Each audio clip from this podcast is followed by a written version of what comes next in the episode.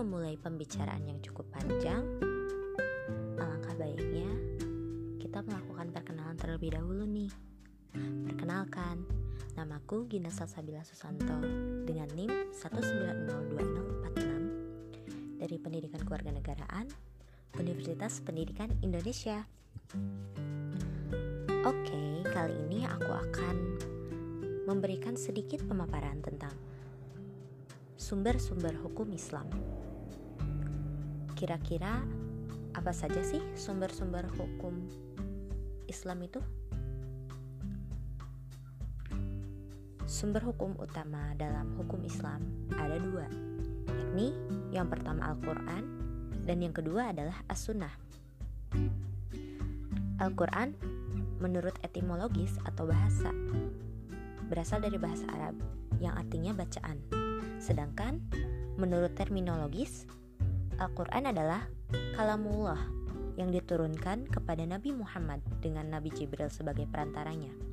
Menggunakan bahasa Arab sebagai bukti kenabian atau kerasulan Rasulullah SAW disampaikan secara mutawatir dan membacanya pun bernilai ibadah. Isi dari Al-Quran itu sendiri adalah mengajarkan tentang prinsip,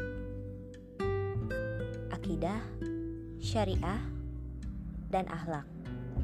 Lalu ada janji dan ancaman, yakni berisikan janji tentang surga dan ancaman untuk neraka. Sejarah para nabi dan umat terdahulu, berita tentang zaman yang akan datang, serta prinsip-prinsip ilmu pengetahuan. Wah, luar biasa. Masya Allah.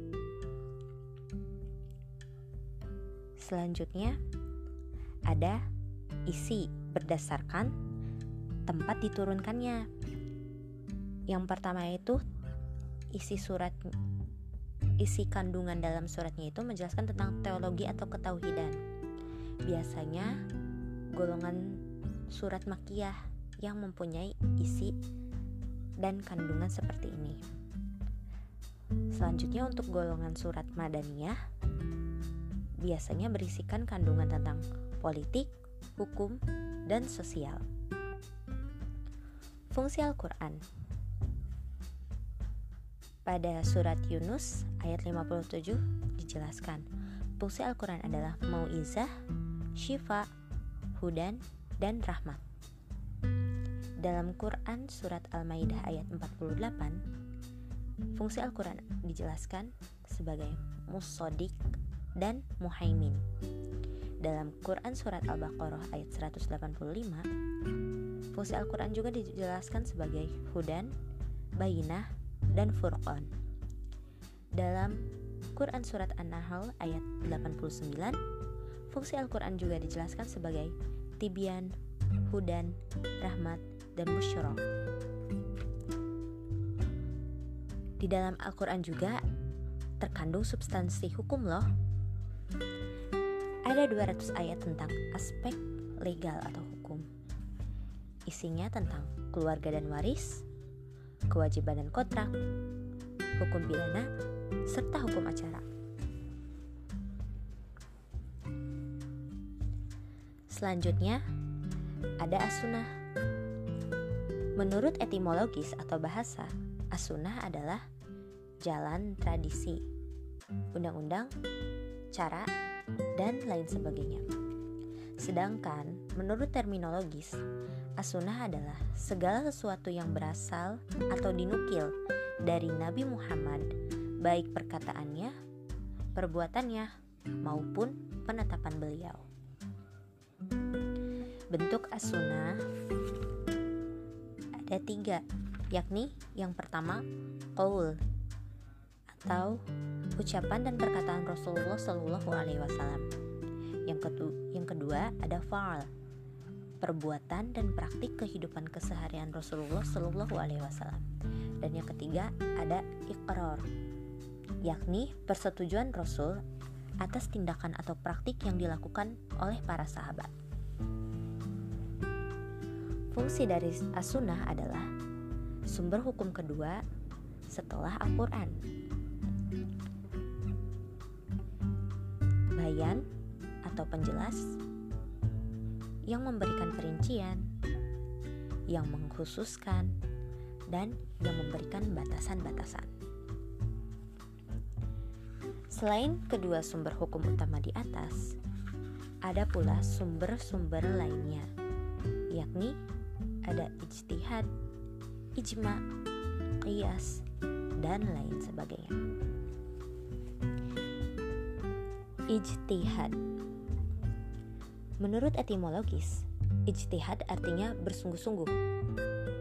Sedangkan menurut terminologis, ijtihad adalah menemukan segenap kemampuan berpikir untuk mengeluarkan hukum syar'i yang praktis dari dalil dari Al-Quran dan Sunnah. Orang yang melakukan ijtihad disebut mujtahid.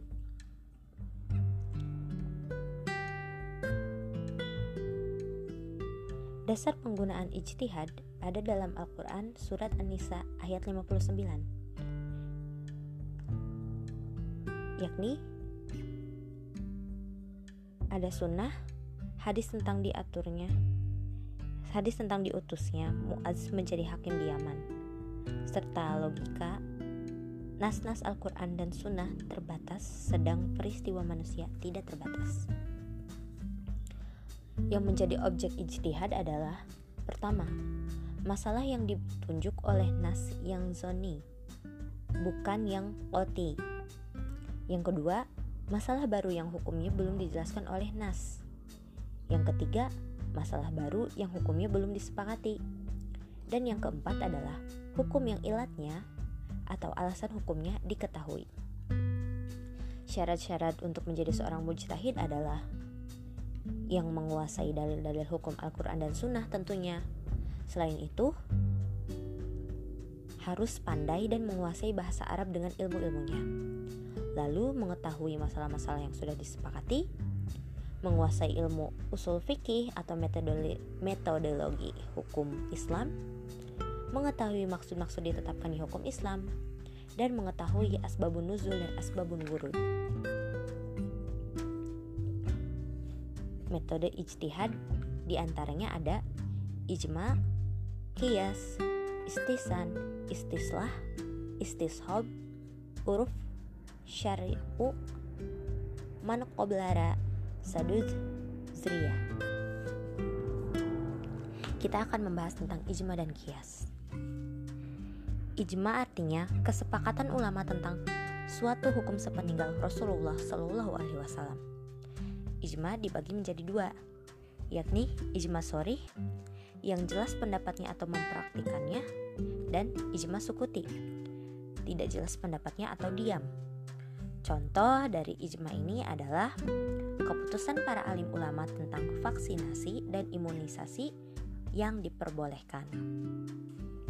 Yang kedua tentang kias atau analogi yakni menyamakan hukum suatu masalah yang belum ada nasnya dengan hukum suatu masalah yang sudah ada nasnya karena ada persamaan ilat. Ilat ini artinya suatu sifat yang menjadi dasar untuk menetapkan hukum. Contohnya, ketika zaman Rasulullah, narkotika itu belum ada. Tapi kemudian disamakan dengan khomer atau yang memabukkan jadi keputusannya narkotika itu diharamkan.